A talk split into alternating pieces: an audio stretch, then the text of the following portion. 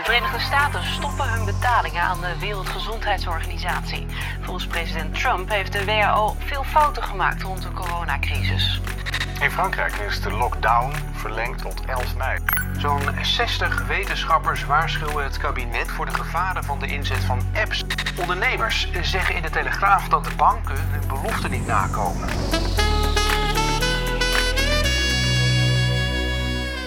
Welkom bij de podcast Een 1-2'tje met Yves. We zitten nog steeds in de coronaperiode. Daarom noem ik het ook ondernemen in tijden van corona. Het verbaast mij niet uh, dat het IMF uh, onze economie prognotiseert op een daling van uh, 7,5%. Ik denk dat het zelfs meer nog gaat worden.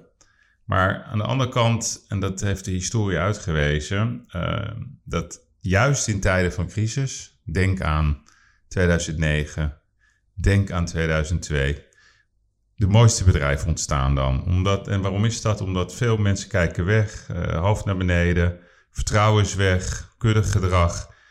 En uh, ja, ondernemers zien de kansen niet meer. Dus het is juist een periode om op te letten, uh, ogen wijd open te zetten en vooral in kansen te blijven denken. Een van die ondernemers is Michael Pauw. Die had ik gisteren aan de lijn. Hij is de eigenaar van, van Nice to Meet. We, kwamen, we werden getipt omdat hij flyerend aan de gang was als DGA uh, van, een, van een bedrijf met meer dan 100 man uh, in de vleesindustrie. Ze zijn van, een van de grootste vleessnijders van Nederland. Ze leveren aan alle toprestaurants. En ik vind het mooi, je nergens te groot voor voelen. Verlies pakken, maar vooral in kansen te blijven denken. Ja, en, en je ziet dan dat werkt. Hè. Zijn website, webshop maakt een grote sprong. En hij, hij is met dit soort kleine gedachten het voorbeeld van wat echt ondernemerschap inhoudt. Uh, ik moet zeggen dat ik ook zelf weer een beetje positief begin te worden. Ik, uh, mijn gedachten schieten ook alle kanten op iedere dag. Maar ik heb toch wat gevoel dat, dat er een beweging gaat komen die op zoek gaat naar het juiste evenwicht tussen economie en gezondheid. Wat uiteraard heel belangrijk is. Ik ga zo bellen met uh, Mickey Hogendijk. Zij is uh, kunstenaar. En uh, ik zat te denken, hoe, ja, ik ben benieuwd, wat, wat doet een kunstenaar in tijden van corona? Creatieve mensen met, met, ja, met, met allerlei verschillende gedachten. een positief brein. Zit je gevangen in het brein? Zie je kansen? ontstaan, ontstaan dan de mooiste kunstwerken? Gaan we andere richtingen op? Uh, dat wil ik weten van Mickey. Mickey is in Nederland uh, op allerlei manieren bekend. Ze had uh, in de negentig jaar een relatie met een andere kunstenaar, Rob Scholte, die helaas getroffen werd door een aanslag in 1994. hun relatie is ook beëindigd. Mickey is naar Amerika gegaan, heeft ook een relatie gehad met Adam Curry, waar ze heel bekend van was met die relatie. En in 2017 bezocht ik van haar een hele mooie tentoonstelling in Museum van de Tocht in Amstelveen. Ik was echt flabbergasted van uh, hetgeen ze daar liet zien. En de afgelopen jaren ja, heeft ze zich op een ongelofelijke manier ontwikkeld. En ik wil graag weten hoe het gaat met haar. Zij woont in een prachtige boerderij in Brabant, in de, in de brandhaard waar het begon. Hey, Mickey. Hey Mickey, hallo. Hoi. Hoe is het met jou? Goed, ja? geloof ik. Ja, ja. Net een hele lange wandeling gemaakt hier over de prachtige hei. Ja. En uh, daarna even heerlijk uh, uitgerust. Doe je dat iedere dag? Ja, ik probeer het wel te doen. Zo'n uur wandelen, dat is goed voor het hoofd. Dat maakt het leeg. Het is hier nu zo verschrikkelijk mooi. Het is het voorjaar en alles uh, is prachtig lichtgroen. En ja, heerlijk. Ik heb nog nooit zoveel vogels gehoord als nu. Ja, nee, die, die, vallen nu op hè, in deze tijden. Ja. En, en ik, ik, ik, ik, ja. ik, introduceerde jou net uh, op allerlei levels. Hè, van, van de negentiger jaren tot de jaren in Amerika. Tot het jaar dat je kunstenaar... Uh, dat ik bij jou een expositie bezocht in Amstelveen. In het Jan van Tochten Museum. Maar eerst mm. even naar de situatie van dit moment. Kijk, jij, ik, ik ben ooit een keer bij jou geweest. Jij woont in een boerderij in Brabant. Uh, mm -hmm. De brandhaard wordt dat genoemd. Maar is dat ook zo? Ja. Ja? Nou, als ik niet naar het nieuws zou kijken, dan zou ik geen idee hebben van wat er aan de is. Ik woon in een weiland buiten een dorpje. Uh, ik zou misschien zeggen, ik hoor meer vogels en ik zie eigenlijk meer mensen dan normaal op straat lopen hier. Uh, dat is het enige wat ik zie. Voor de rest merk je hier niets van wat er in de buitenwereld gebeurt. Maar Brabant, mijn omgeving, de ziekenhuizen hier de buurt, daar is de brandhaard. Daar, daar zie je het. Maar goed, daar, daar komen wij niet. Maar dat besef is heel vreemd. Dat eigenlijk heel dichtbij er zoveel gebeurt. En dat het hier natuurlijk eigenlijk allemaal ook ontstaan is, zoals ze zeggen, door het carnaval. En dat kleine dorpjes hier uh, zich zeer bewust zijn van het aantal uh, doden.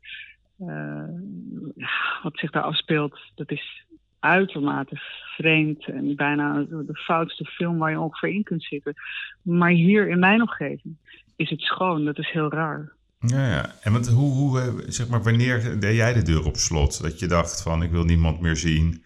Uh, ik ga me terugtrekken in mijn boerderij. Nee, misschien wil je wel iemand zien, maar dat je gewoon echt ging terugtrekken ja. daar. Wanneer was dat moment? Nou, ik, uh, ik geloof dat het nu 31 dagen geleden is dat uh, Rutte het verhaal aan Nederland vertelde, waarbij hij ons toch echt wel vertelde hoe serieus de situatie was. En ik zat hier op de bank en ik keek om me heen en toen dacht ik echt, fuck, dacht ik ineens, dit ga ik dus alleen aan. Dit ga ik alleen doen. Ik ga nu de deur dicht doen, dat was niet letterlijk, maar... Um, en vanaf nu uh, gaan we elkaar dus even niet zien. We gaan elkaar niet aanraken. Alles stopt, alles sluit. Exposities worden afgelast. Mijn lezingen worden afgelast. En net is een heel raar moment dat je dan alleen... Ik ben alleen, ik woon alleen. Uh, en daar kies ik normaal met heel veel liefde voor... omdat ik dan de focus heb op wat ik wil doen.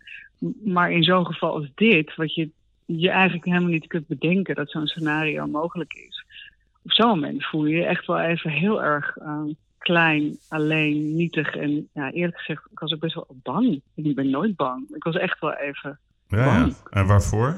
Ja. Ja, dat wist ik toen ook niet. Maar meer, uh, nou ik geloof, kijk, ik kan heel veel aan, dat weet je ook wel. Maar als ik echt niet meer kan overzien waar het naartoe gaat. En vooral ook dat ik zelf niet uh, in charge ben om het te kunnen veranderen dan, ja, dan slaat denk ik bij iedereen de angst toe. Want dan voel je je gewoon onmachtig.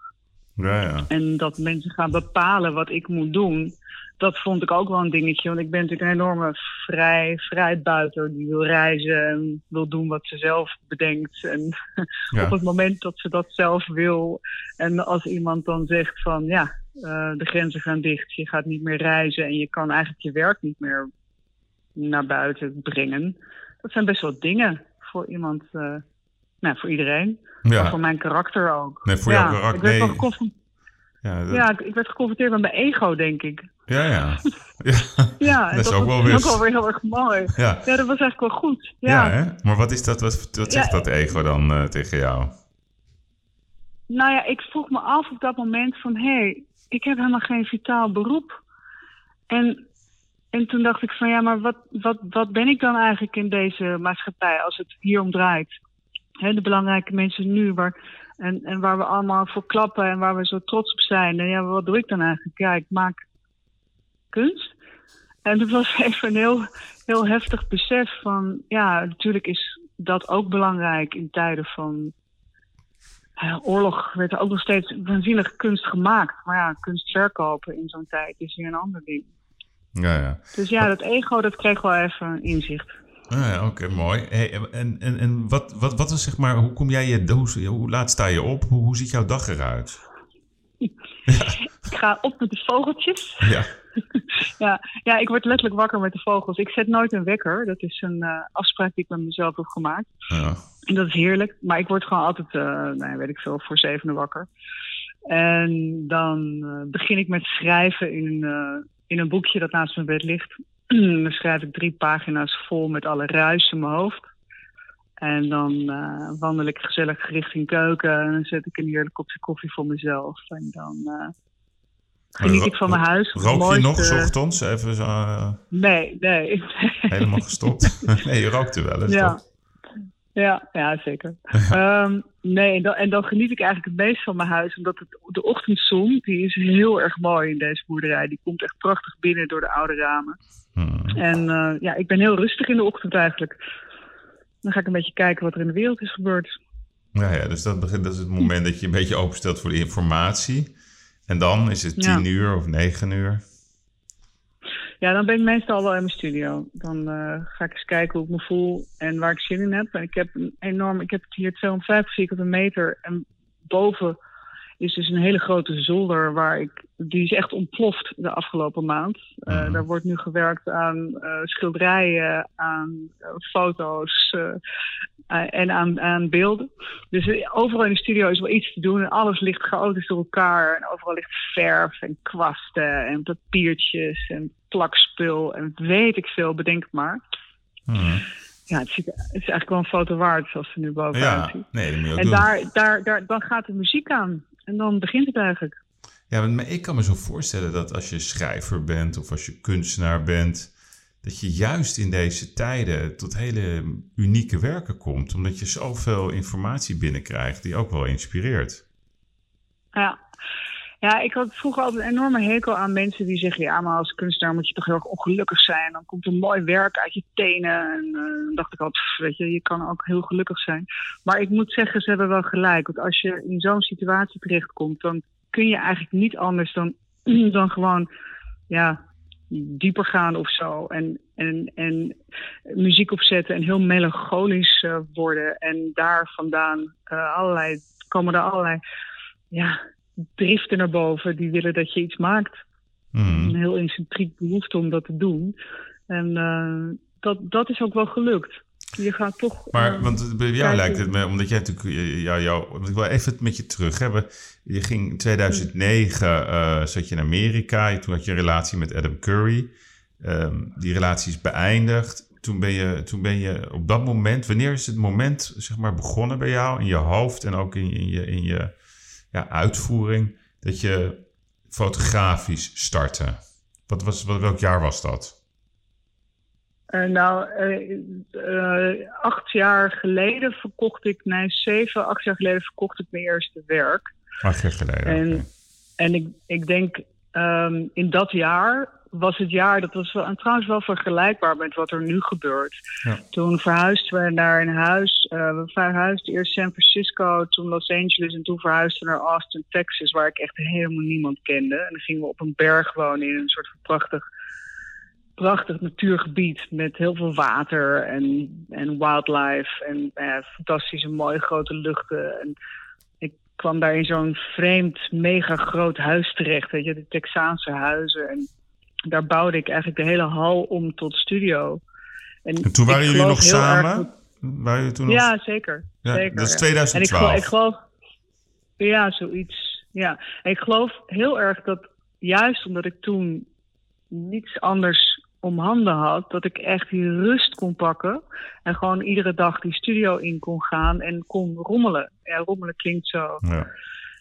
Ja, maar het is het toch wel. Ik vergelijk het altijd erg met slenteren. Als je de tijd hebt om te kunnen slenteren en te kunnen kijken naar kleine dingen en gewoon heel speels te kunnen zijn en lekker ontbijtje te maken, kopje koffie te kunnen pakken, muziek op te kunnen zetten en je eigenlijk verschrikkelijk verveelt. dat zijn de momenten dat je aan het werk gaat. Da daarom ben ik ook hier op die rare boerderij gaan wonen. Omdat ik, ik heb soms gewoon drie dagen alleen nodig om tot zo'n punt te komen. En dan ga je, dan kun je het gewoon laten, ja, dan, dan, dan komt het vanzelf boven of zo. Hey, trouwens, wat ik me opeens zit te bedenken, want hij, hij is toch een beetje de koning van de podcast, uh, Adam, in Amerika. Adam, uh, Adam is een paar dingen in Amerika. Hij is natuurlijk de man waar iedereen van uh, onze leeftijd mee groot geworden is in zijn puberteit. Dus iedereen die nu rond de 50 is, die zat vroeger met veel te veel hormonen voor de MTV uh, television die voor het eerst in iedere huiskamer zichtbaar was. Ja. Uh, dus dat is heel grappig als je mensen in Amerika ook moet die Adam zien, die gewoon, dude, headbangers ball. Die zijn altijd helemaal, worden heel erg blij en krijgen een enorme glimlach op hun gezicht.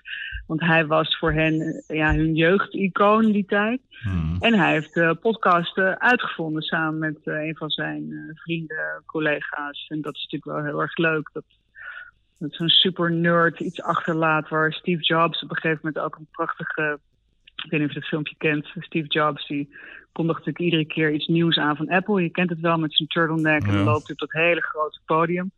En dan zegt hij, uh, terwijl hij een nieuwe Mac of zo introduceert, zegt hij van ja, there's this guy called Adam Curry and he created something called the podcast and it's kind of really funny en dat kun je nu beluisteren op dit en dit en dit. En dan zet hij het aan en dan hoor je Adam live praten in zijn podcast waarbij hij zegt, damn, my Mac is playing up like a motherfucker today. Hele zaal echt doodstil. En Steve Jobs is ook even heel erg stil. En vervolgens breekt hij in een enorme lach. En dan gaat die hele zaal natuurlijk achteraan. Ja, dat is natuurlijk wel een heel mooi, puur moment eigenlijk. Mooi. Ja. En toen, Ja. toen, toen ging jij een beetje, eh, jullie, jullie gaven elkaar een kusje, neem ik aan. jij zei, ik ga weer terug ergens anders naartoe.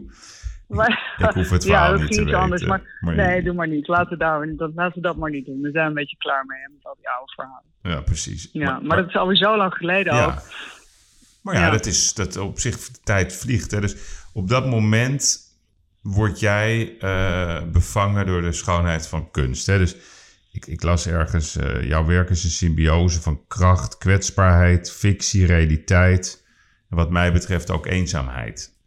Ehm, Hm. ja, maar dat, dat, omdat ik dat er ook in terugzie. Ik zie ook eenzaamheid in jouw werk. Maar hoe kijk jij zelf daarnaar? Is dat überhaupt mogelijk voor een kunstenaar om daarnaar te kijken? Nee, het is verschrikkelijk moeilijk als mensen vragen of je je werk wilt beschrijven Ja. en eh, wat je daarmee bedoeld hebt, eh, Ja. en et cetera. Dat is heel lastig. Maar ik, weet, ik ben gewoon heel erg gefascineerd door wat ik zag door die lens. Dat ik echt eh, het gevoel had dat ik mensen op een bepaalde manier kon zien en vooral ze ook tot een bepaald punt kon brengen waarbij je die enorme verstilling ziet. En dat, kijk, een gewone fotograaf die iemand portretteert, dan is het toch altijd een soort van pose die wordt aangenomen. En ik, ik vond het heel mooi om die kwetsbaarheid van mensen te zien. Iedereen die voor je camera plaatsneemt, is namelijk onzeker Ja. en kwetsbaar. En ja, ik vind dat een hele mooie eigenschap. Maar wat is dat? Hoe, zelf- ik- het is zo raar dat mensen, als, ze, als je een tv-camera op, op hun zet of op een, een, een fototoestel, gebeurt er iets. Wat is dat? ik, je wordt gezien. Ja, En, eh, ja, ik denk dat, dat heel veel mensen eh, heel, ja, dat, dat, dat heel, zich heel naakt ervaren op dat moment. ja. Ehm, ja, we houden er toch allemaal wel van om onszelf voor te doen op een bepaalde manier. En vaak, vaak zien mensen niet hoe mooi ze zijn als ze het durven te laten zien. ja. Ja, dat ze het misschien ook niet allemaal perfect weten. Ik denk, ik denk uiteindelijk dat het, een, dat het een zoektocht is voor mezelf ook naar dat ik mezelf forceer hierdoor om ook kwetsbaar te blijven en te zijn. En als ik dan kijk, hè, hoe, in, in 2017 weet ik nog dat ik zag meerdere stijlen. Ik weet niet of je dat kan zeggen over een fotograaf hè, of, je, als, of kunstenaar. Hoe moet ik jij trouwens noemen? Kunstenaar, fotograaf? Wat, wat, hoe wil je genoemd worden? Geen idee, whatever floats your boat. ja. Nee, maar echt, ja. Ik bedoel, Ja. als, als jij eh, als ondertitel in een tv-programma zit of zo, wat, wat moet er dan onder staan? Kunstenaar? Ja, tegenwoordig, staat er, tegenwoordig staat er kunstenaar, daar ben ik heel blij om. Nee, ik heb, dat- ik heb verschillende ondertitels gehad, laat ik het zo zeggen. Dus Ja, maar ja. ik denk, ja, Ja. waar ik nu mee bezig ben, dat is toch echt wel dat. ja. Ja, nee, maar dat is- Ja. vind ik wel goed. Ik bedoel, ik, ik zie dat ook zo. Maar goed, dus je, Ja. je wordt kunstenaar. Eh, Ik denk dat kunstenaars ook een bepaalde stijl hebben, een bepaalde signatuur. Durf jij, is er, een, is er al, is dat eh, te vroeg of, of misschien niet te vroeg om te vragen, heeft Mickey Hogendijk een signatuur? Mm, misschien iets te vroeg. Ehm, maar maar ik, hoor, ik hoor wel van mensen die mijn werk verzamelen dat ze dingen herkennen die ik maak. Hmm. Eh, maar ik, zel- ik zelf hoop eh, juist dat ik eh, qua, qua beeld mag blijven veranderen. Want het lijkt me heel erg moeilijk om mijn leven lang één bepaalde stijl vast te houden. En in fotografie is er zoveel wat je ook wil ontdekken. En wat, ik vertel liever bepaalde verhalen. Hmm. En ja, die verhalen zullen eh, bij mijn dood misschien uiteindelijk it's gonna make sense. Dat mensen denken van, oh ja, dat was, dat was haar verhaal. Je weet het, hè, dat, dat, dat de waarde schiet omhoog als, als kunstenaars doodgaan. Dus Ja, ja, ja, dat is zeker zo. Ja. Mijn, eh, mijn peterkind is, eh, die is nu die wil jij liquideren. erfgenaam. Ja, dus wie weet. ja. Nee. Ja. en, maar hoe, hoe doe je dat dan nu? Want ik bedoel, er valt nu weinig te fotograferen op die boerderij. Zijn er andere Ja. dingen die je dan doet? Nou, dat was wel het mooie aan deze maand. Ik zou eigenlijk 5 april afreizen naar Frankrijk, waar ik een eh, hele lang verwachte workshop zou volgen, één op één. Met uh, Martine Vogal, een heel bijzondere Franse uh, ja, beeldhouwer, boetseerder, kunstenaar, die echt, echt waanzinnige beelden kan maken. Ze kan alles. Zij kan echt alles. En zij had mijn werk gezien en ze was heel erg enthousiast om mij daar te ontvangen en met me aan de slag te gaan. Want in mijn laatste beelden, of ene laatste serie, zie je eigenlijk al een soort van ja, sculptuur vormen. En dat is echt iets waar ik heel erg naar verlangde om naartoe te gaan. Dat ik met mijn handen meer ga werken, dat ik 3D ga werken. Mm. Alleen ja, 5 april waren de grenzen uh, inmiddels al een week gesloten. Dus dat uh, ging niet door. Dus ik ben maar gewoon uh, begonnen hierboven in de studio. En eigenlijk heel erg vergelijkbaar met zoals ik ooit met fotografie begon. Geheel autodidact. zonder grenzen, zonder angst, maar ook zonder kennis. En wat, wat eigenlijk heel prettig is. Want daardoor zie je geen gevaren. Je ziet niet iets wat niet kan. Je, je bent niet bang om iets te gaan maken, want ja, je, je weet niet waar het eindigt. En dat gaf me echt weer die hele fijne speelsheid terug, die ik acht jaar geleden ook had in mijn fotografie.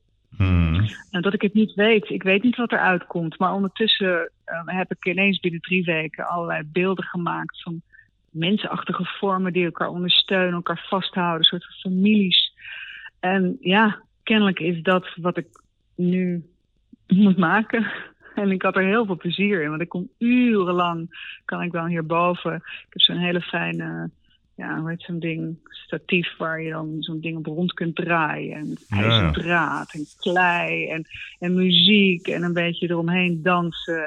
En, uh, ja, dan, wat, voor muziek doe je, wat voor muziek doe je dan aan? Ja, echt heel verschillend. Ik laat me heel vaak verrassen door vrienden die sturen een playlist. Ja, Met uh, jazz, klassiek, modern, Nederland, het maakt me niet uit. Maar dan, dan ga ik in die flow, kom ik terecht. Ja, en um, heerlijk, ja. ja. Dus ik, ik heb me wel gemaakt de afgelopen maand. Oké.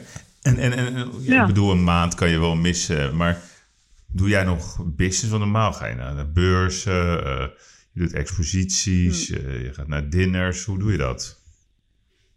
Nee, gebeuren er, er gebeuren er dingen?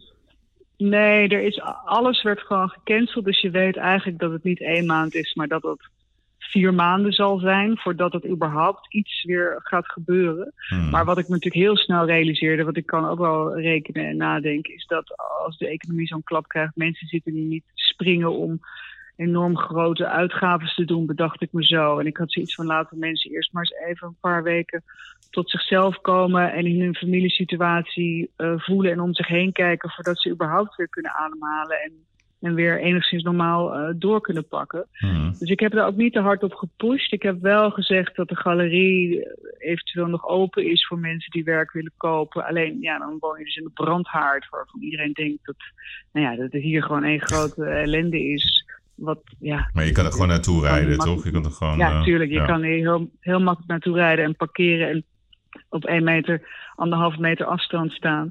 Maar um, nee, er gebeurt nu niet zoveel. Ik heb wel, dat was wel leuk, een aantal klanten die dan zeggen: God, kom langs. We hebben nu eindelijk de tijd om met jou eens even in ons huis te kijken wat waar mooi zou hangen. Hmm. Dus dat is wel gebeurd. En um, ja, eh, maar die ene maand, oké. Alleen ik vraag me veel meer af van hoe, hoe gaan dingen. Ja, maar hoe kijk jij daarnaar? Want jij, ik, kijk, jij, ik, ik vind jou toch een beetje. Ja, hoe moet ik het zeggen? Weet je, je hebt al die tijdperken. Je bent een vrijgevochten superclubmeisje.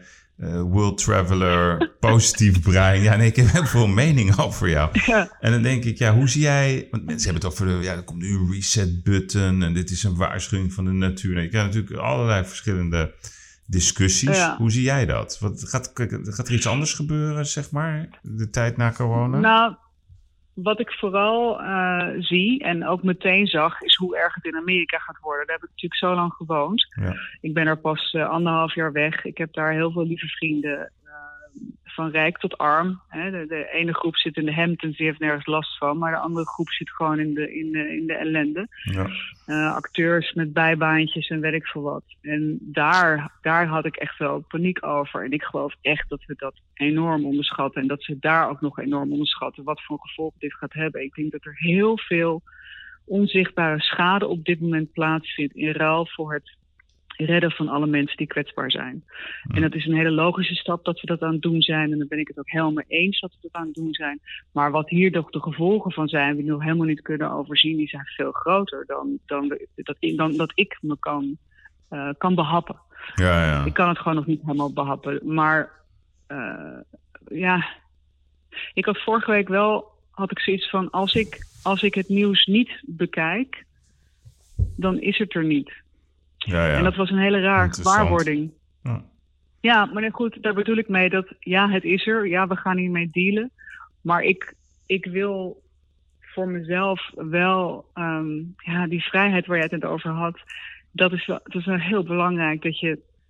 Waar gaat het over in dit leven? Dat voel ik heel erg sterk. En dat gaat toch echt wel over het volgen van je passie. En uh, wat ons onderscheidt van, de, van die dierenwereld is dat we kunnen creëren. En als ik puur vanuit mezelf spreek, ik wil gewoon niet dat mijn passie waar ik zo hard voor heb gewerkt en mijn vrijheid om te kunnen maken wat ik wil maken, dat me dat ontnomen wordt. Hmm. Um, tegelijkertijd ben ik heel erg benieuwd over hoe deze absurd rijke wereld, waar alles maar kan, nu een soort van knauw krijgt en daar hoop, hopelijk gewoon heel verantwoordelijk en mooi mee omgaat. Dat we heel innovatief kunnen worden, dat we waanzinnige dingen kunnen bedenken om dit op een bepaalde manier terug te draaien naar iets waar wij allemaal beter van worden. Ja. En, en ja, daar hebben we hele knappe koppen voor nodig. Die gaan bedenken over wat we doen met de luchtvaart in de toekomst. En hoe gaan we dat goed maken. Hmm. Dat het terug kan komen, maar anders. En ja, heel stiekem in mijn hoofd heb ik ergens ook zoiets van... jeetje, de natuur die, die krijgt even een adempauze. Je zou bijna denken, kunnen we niet eens in de zoveel jaar even een maandje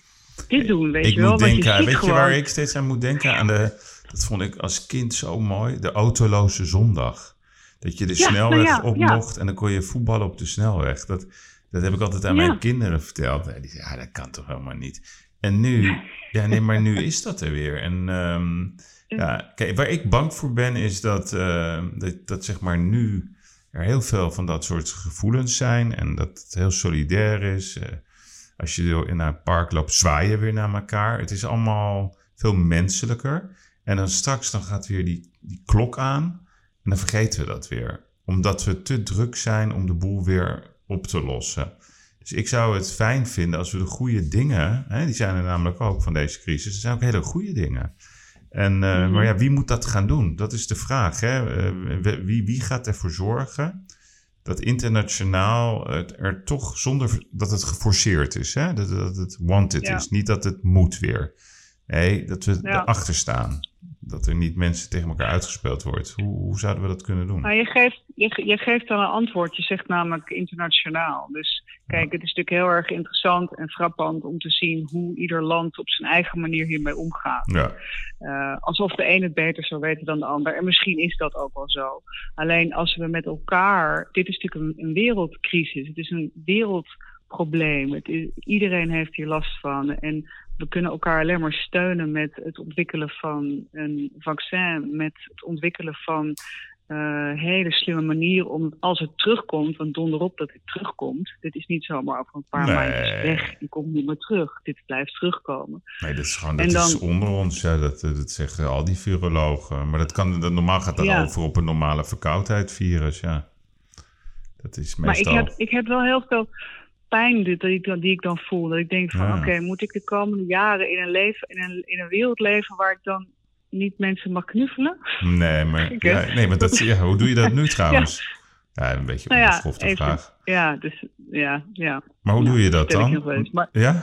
Nou ja, Ja, anderhalve meter afstand. Ja. Ik, ik had het over mijn vrienden knuffelen. Ja, het is misschien over iets anders. Maar Ah, ehm, ja, dat gaat dus niet, die anderhalve meter afstand. Maar Nee. op een gegeven moment eh, moet je wel... ehm, dat, dat ga je, dat, je gaat dus niet zonder dat leven. Nee. Nee, maar ik denk wel dat... niet- je voelt het gewoon. Dat, dat, dat mensen willen, willen, willen er voor iedereen zijn. Maar willen ook dat het normale leven op een bepaalde manier weer op gang komt. Ja, ik denk dat dat ook een proces is. Maar goed, dat gaan we meemaken. Eh, Wat ik me ook afvroeg. hè, Wat is de, de mooiste reactie die jij tot nu toe hebt gehad van, van binnen jouw relatienetwerk?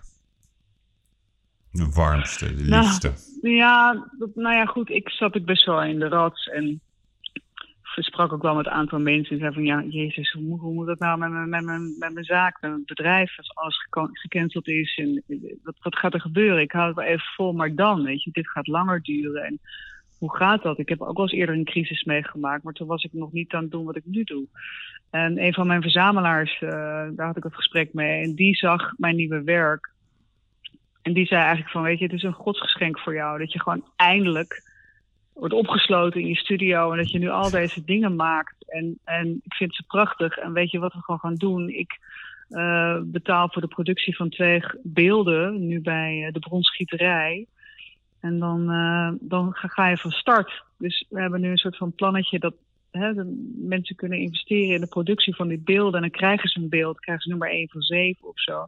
En ik heb gewoon straks, als het goed gaat, heb ik gewoon een prachtig nieuw eh, een nieuw volume aan werk, wat totaal anders is dan fotografie, maar wat echt voortgekomen is uit deze tijd. En ik, ik wil mijn tijd goed besteden. Deze rare tijd wil ik goed besteden. Dat is eigenlijk een beetje wat ik me heb voorgenomen. Want dan Ja. blijf ik gelukkig. Mooi, ik vind het wel mooi dat... ik eh, positief. Ja, maar dat is goed. Ik Ja. hoor dat meer van andere ondernemers ook. Dan bellen ze onverwachte mensen op en die zeggen: Weet je wat ik ga doen? Ik ga bij jou twee horloges kopen. Of ik ga bij jou Ja, vlees ja. kopen. Wat dan ook. Wat iemand ook. Ja. Dat is namelijk wat, wat leuk is om te horen. Ja, handel. Je wilt toch weer handel. Hey, en- ik heb dat met een meisje die, eh, die mij. eh, ik heb Pilates wilde ik graag gaan doen. Want ik denk als ik hier een maand vast zit, dan word ik gek. Dus ik drie keer drie per week op een avond doe ik zo'n privé Pilates Oh. online. ja, ja. En zij is Amerikaanse. En haar man zat vast in New York. Dus zij moest alleen voor haar kinderen zorgen hier in Nederland. Kon geen les meer geven. En nou, ik heb dan bij haar die Pilateslessen gekocht. Zij doet weer dat voor die, die doet weer dat. Iedereen doet iets voor elkaar. Iedereen blijft eigenlijk nog steeds kopen en aanschaffen wat we normaal ook zouden doen. Vrienden van mij die halen eten bij vijf sterren restaurants en rijden dat helemaal hier naartoe en dekken hier een hele tafel voor me. Weet je Vijfsterrenrestaurants. wel. Dus ja, nou ja, whatever, ik noem maar iets. eh, tien sterren. Ik Ja. bedoel, dat, we, we proberen elkaar allemaal gewoon ehm, eh, op die manier ook draaiende te houden. En dat geeft, Ja. een, dat geeft een heerlijk gevoel. En gelukkig hebben jij, ik, een, een vrij bijzonder netwerk aan mensen die ook volgens mij snappen dat het noodzakelijk is om Mm. het zo te doen. Je Nee, kan, zeker. Je kan, Nee, maar dat moet ons ook niet uit elkaar drijven, weet je. Dat vind ik vervelend, die discussies op tv. Ja, eh, alsof demagogen die gaan roepen, ja, de gezondheid gaat voor. Ja, natuurlijk, er is toch geen enkele discussie. Eh, maar we moeten het samen, het moet geïntegreerd zijn. Ik, ehm, ja, dus ik hoop wel dat dat rustig blijft, weet je. Het verschil tussen mensen die weer willen ondernemen... en tegen mensen die dat eigenlijk niet willen. Maar dat kan niet, want dat, dat, dat zijn communicerende vaten. hey, Maar weet, ehm, de, ba- de balans is op een gegeven moment gewoon, die, die balans die raakt zometeen zoek. En dat, is, dat kunnen we allemaal al voorspellen. ja. En daar, daar moeten we heel goed over nadenken hoe we dat, Jezus, menswaardig is het woord bijna, eh, Mhm. eh, oplossen. Maar ik ben, wat ik dus net al zei, die onzichtbare schade die er nu plaatsvindt. Ik ben heel benieuwd wat daar allemaal van boven komt. De dingen die we niet, ons niet meteen realiseren. En eh, die achteraf door deze, ja, door deze nieuwe regels ehm, toch ontstaan. Nee, die zijn groot. Zeker in Amerika. Wat, was trouwens jouw laatste reis? Weet je dat nog? Wanneer je voor het laatste landde op Schiphol? Of erg eh, op... eh, Oh, dus, eh, waar was eh, Ja, Marrakesh. Oh, Marrakesh. Dat was, de, dat was je laatste. Ja. Daar was ik, ja. Daar, wa- ja. ja, en ik zou eh, eh, wel heel, heel veel leuke dingen doen. Maar dat e- even niet. Even, niet. gewoon hier op het Hey, platteland. en, en, en jij hebt in je ja. leven best wel veel crisissen zelf ook meegemaakt. Zakelijk, persoonlijk, privé. Weet je, ik bedoel, je kan zeggen dat jij wel de nodige tekentjes op je lijf hebt. Wat, wat zeg jij nou tegen wat jongere mensen die, die dit voor het eerst meemaken, die bedrijven hebben of die startend zijn? Ehm, wat, wat vind jij nou het beste advies om te geven in, in, in, zeg maar, in tijden van crisis aan, aan een wat jongere medemens? Aan mij ook trouwens hoor. Ja, hey, thanks. Ehm, ik, ik, eh, ik, gewoon, dat is een zware, maar ik, ik denk dat in, in nood, wat mij altijd, wat mij persoonlijk altijd is gebeurd, is dat in de meest heftige situatie kwam, kwam altijd mijn sterkste, mijn, mijn kracht boven en eh, mijn creativiteit. En ik heb echt de gekste, dingen meegemaakt, in de raarste situaties gezeten. En op de een of andere manier word je heel erg inventief en het moment dat je denkt dat je alles verliest, is eigenlijk het grootste moment van vrijheid. Ik heb het een paar keer in mijn leven gehad dat ik alles kwijt was, dat alles stopte, dat er niets was. En dat ik dacht, nou, je kan daar het raam uit. Of, en dat ik toen ineens een soort van bijna een lachbui kreeg en een soort van gekke vrijheid in mijn hoofd voelde. En ik dacht, nou ja, nu wordt het in ieder geval niet meer erger. Dan kan ik alleen maar bouwen. En we willen als mens zo graag bouwen. We willen zo graag creëren. We willen zo graag mooie dingen scheppen. En we willen ook elkaar helpen. En we willen in leven blijven. Weet je, we hebben een enorme oerkracht. Dus wij kunnen heel veel aan. Hmm. En als, het, als je het aan de ene kant verliest, zeg maar, in, in de economie. Dan komen er weer andere dingen waar je dat mee vult. Ik weet ook niet precies hoe. En het klinkt nu wel heel positief. Maar er is een gezegde en dat is: je moet het er maar mee doen. En dat is een hele harde. Maar het is wel zoals het soms gewoon Ja. is. Dus soms Ja. zijn dingen gewoon. Ik vind het wel een goeie. En- Nee, maar je moet het er maar... Ik, ik zie jou iemand als eh, een persoon met een positief brein. Zo zie ik jou. Maar ik vind dat wel een goeie. Je moet het er maar mee doen. Dat vind ik een hele goeie. Die heb ik nog niet eerder Ja, hij is gehoord. heel hard. Maar hij is, hij is heel, heel hard heel en, raak. eh, maar hij is, hij is niet negatief. Het is gewoon, take it. Ja, ik vind dat goed. Ik zei nog wat eh, ter afsluiting. Ja, want we, we, we zijn er alweer, Mickey. Zo snel Oh, gaat het. Ja. Hey, ik zat nog even te googlen. Hè, en toen, toen keek ik naar jouw geboortedatum. Ik heb een beetje een rare eigenschap. Ik ga altijd dan Ja. even eh, kijken wat iemands nummer is. Ja, ik weet ook niet waarom. Dat vind ik gewoon grappig. Maar jij, jij bent een vijf. Wist je dat? Volgens de numerologie. Wat ben ik? Een vijf. Oh, en wat is een vijf? Nou, ik ben ook een vijf. Ik, daar moest ik zo wat lachen. Ah. Ja. En Johan Cruijff is een vijf. Ja, die zijn avontuurlijk, eh, eigenwijs, vrijgevochten, travelers, eh, wel optimistisch, eh, kunnen goed alleen Ja. zijn, ja, dat soort dingen. Maar dus Ja. toen zat ik nog verder te kijken. Toen zag ik dus dat dit jaar is voor jou best wel een, in juli. Jij bent in juli jaar. Dat is nog ook nog een memorabel momentje. Ik zal je leeftijd niet onthullen. Ja, hè? Had je daar nog een feestje voor 50. bedacht? 8 juli, hè? Ja, ja ik, had, ik had twee feesten in gedachten. Oh. Eén feest met, met eh, vroeger, zeg maar, in de superclub... met alles en iedereen die ik ooit nou ja, ontmoet heb, eh, aangeraakt heb, zeg maar, daar. Want dat is toch wel de plek om dat te doen. Ja. Maar toen zei iemand tegen mij, waarom zou je in godsnaam je verjaardag willen vieren met vroeger? Waarom vier je niet je verjaardag met de mensen met wie je de komende 50 jaar verder wil? Hmm, En toen dacht waar. ik, ah, dat is ook wel heel erg waar. Dus ik zat nog een beetje op de wip. En toen dacht ik, nou, ik kan het ook allebei doen. Ja, en nu? Ja. eh, ik ben bang dat het helemaal niet... eh, ik denk dat ik hem even moet uitstellen of zo. Of, eh, Ja, ik denk bedenk niet dat iets, 8 zou ik juli het moment is. Of, of, of lekker in de tuin met anderhalve meter afstand. Ja. Ja, ik ga hem sowieso vieren, maar ik weet niet of ik hem Nee, dan klopt. zo Hij is groot... snel. en je nee, kent dus superclubfeestjes zijn toch iets amicaler dan, eh, dan een eh, anderhalve meter afstandsfeestje. Dat gaat hem niet worden. Nee. Oké, nou ja, ik word Mickey. gewoon 50. Ik ben heel benieuwd naar je, naar je nieuwe werk. Dus ik laat me Ja, graag dank. verrassen.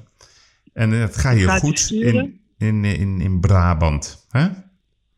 Ik, eh, ik ga verder in de studio. Dank voor, eh, voor Ja, het leuke was gesprek. leuk. Dankjewel. Heel leuk. Succes. Tot snel. Hoi hoi. Dank je. Bye.